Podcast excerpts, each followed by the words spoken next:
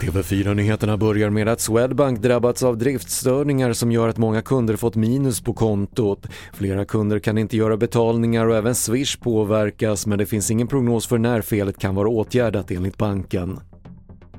Ukrainas huvudstad Kiev utsattes för en rysk raketattack igår kort efter att president Volodymyr Zelensky och FNs generalsekreterare Antonio Guterres hållit en pressträff.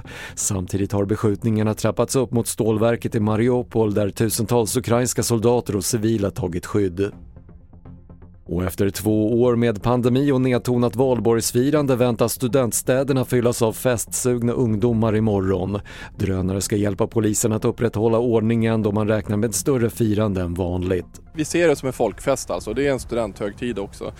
Och eh, det är klart, vi kommer ju ha kontaktskapande poliser med hög närvaro och synlighet på de platserna där det finns människor och evenemang. Men det finns alltid en beredskap för att, beroende på vad som inträffar, att kanske ta biträde av andra regioner. Det sa Jonas Eronen på polisen och fler nyheter hittar du på tv4.se. Jag heter Patrik Lindström.